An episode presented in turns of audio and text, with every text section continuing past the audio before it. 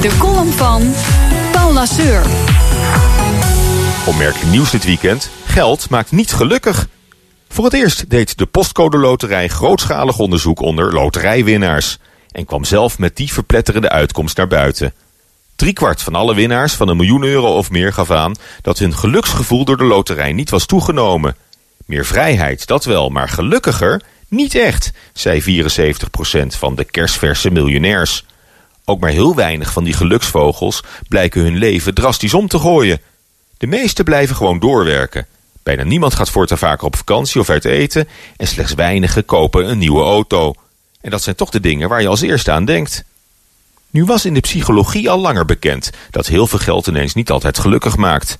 Prijswinnaars kunnen zelfs danig in de war raken van hun plotselinge wilde. Psychologen noemen dat het sudden wealth syndrome.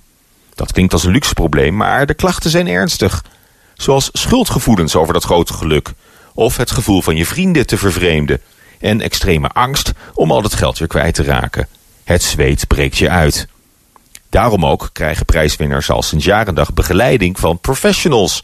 om verstandig te leren omgaan met al die munten. Het lijkt mij een interessant beroep. Een van die winnaarsbegeleiders laat weten dat de bevindingen van het jongste onderzoek volkomen stroken met haar eigen ervaringen uit de afgelopen decennia. Met andere woorden, loterijen weten al tientallen jaren dat niemand echt gelukkiger wordt van hun handel. Het gekke is alleen dat ze het nu ook toegeven en zelfs van de daken schreeuwen. Als een visboer die roept, mijn vis is niet vers. Dat is toch ontluisterend?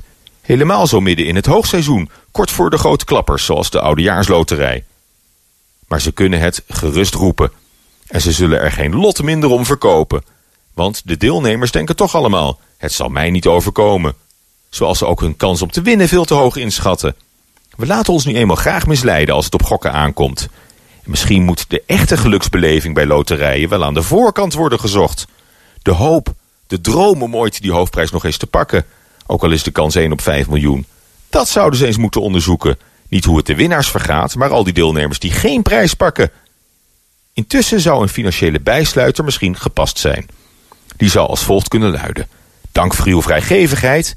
Met uw gift ondersteunen wij goede doelen voor mensen en natuur. De kans op een prijs is minimaal en dat is maar goed ook. Want geld maakt niet gelukkig. Prettige maandag. Column die kunt u terugluisteren via bnr.nl en de BNR.